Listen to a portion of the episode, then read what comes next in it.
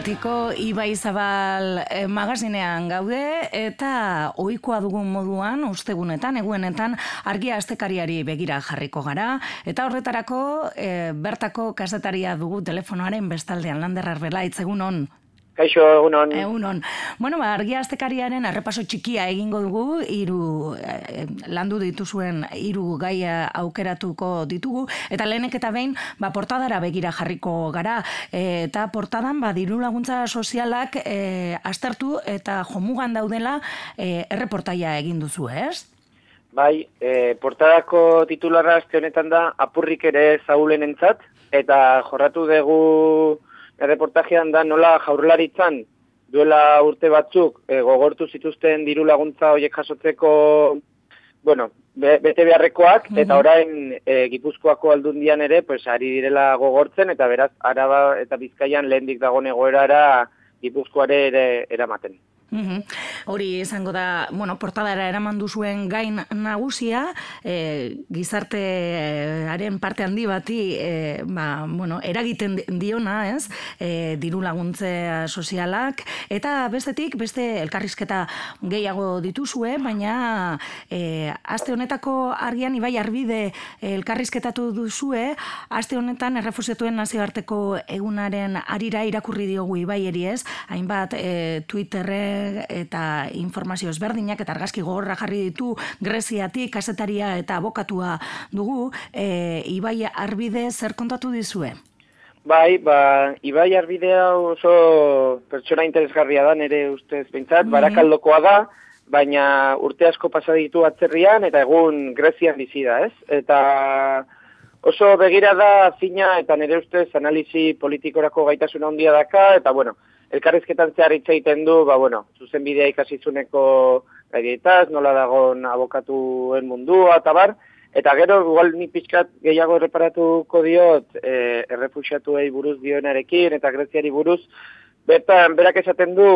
ba, bueno, e, Europa dagoela oso egoera gogorrean, eta ezkerra ez dela asmatzen ari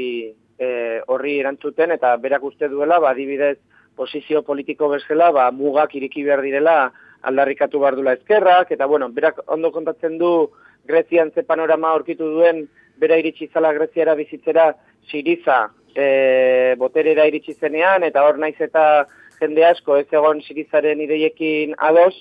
ba, herritarrek ikusten zutela, ba, bueno, zala azkenean estatu bat neori, Europa neoliberalaren aurka borroka egiten ari zena, eta bueno, azkenean ere humilatu zituztela, baina hala ere, jende asko gero pues, bere txikian, naiz eta oso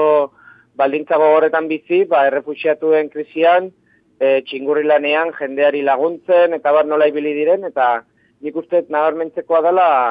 berak esaten du Alemanian, Austrian, eta bar, errefusiatuen krisiarekin, e, eskuin muturra goraka joan bezala, mm Grezian empatizatu dula gizartearen zatia handia handi batek errefusiatuekin, eta nola bait e, ulertu dutela beraiei, beraiek zapaltzen ari diren Europa bera dela errefusiatuak zapaltzen ari dena, eta hor antolatu direla milaka lagun modu ikustezin batean errefusiatu laguntzeko. Eh? Beraz, Ibai Arbide kasetari eta abokatuaren hitzak bildu dituzue, askotan ikusi izan dugu beste komunikabide handi batzuetan ere, e, badarama ez, esan duzu denboratxo bat Grezian, hori elkarrizketatako bat izango da argian, baina ez bakarra Europa ipatu duzu, eta Irlandara begira e, jarri zarete ere, beste e, gaietako bat e, elkarrizketa, uraren e, zergaren inguruan, ez? Urari bai. zerga jarri nahi diotelako Irlandan edo jarri diote? Bai, hori da. Martin Mendizabal kolaboratzaia Irlandera juntzan, mhm. eta berak elkarrizketatu du Brendan Ogle izeneko gizon bat, mhm. hau da right to water, alegia ura, ura eskubidea da, edo olako zerbait e, aldarikatuko luke mugimendu bateko kidea, eta behik azaltzen dute nola, ba bueno, 2000 an troikak ja utzi zion Irlandari dirua usteari eta nola ja sartu ziren ikaragarrizko murrizketak eta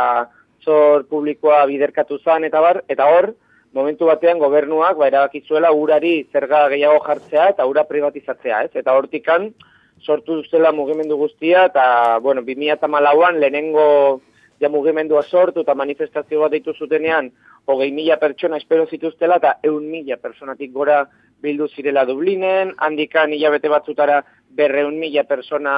Irlanda osoan egun berean eta ordu berean egindako mobilizazioan, eta bar, beraz hor,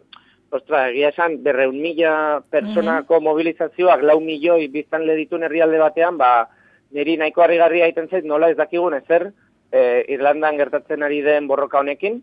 eta aldi berean gero ja, pues, badirudi right to water hau, right to change, alegia herri mugimendu hau sindikatu eta alderdi batzuekin, eta nola bait e, uratik arago e, aldarrikapen batzuk, pues, bizitzari dagozkion aldarrikapen batzuk egin, eta right to change mugimendua sortu zutela, eta orain haue pues, hor dabiltza borrokan, ba, ez bakarrikan uraren kontuarekin, baizik eta pues, ezkuntza doako ezkuntza, edo atzerritarrekiko sistema berdin bat sortzea, edo herritarren beharren araberako etxe bizitza politikak, eta olakoak eskatuz, beraz, ba, bueno, horre badakagola Irlandan, beste esperimento sozial eta politiko bat, oso gutxi kontatzen digutena edabide nagusiek. Mm Mamitsua dator aste honetako argia Euskal Herritik hasi, hasita ez, e, laguntza sozialen inguruan, Grezia eta Irlanda eta Europako argazki ederra jaso dezakegu hiru gai hauekin eta ziurrenik argia astekariak ekarriko ditu asko ere gehiago. Ba, Lander, e, mila esker aurrerapena egin izanagaitik datorren ostegunean, ba, berriz e, ingo bat zuekin. Oso ongi, ondo ibilita Urrengo arte, bai, bai, agur. Agur.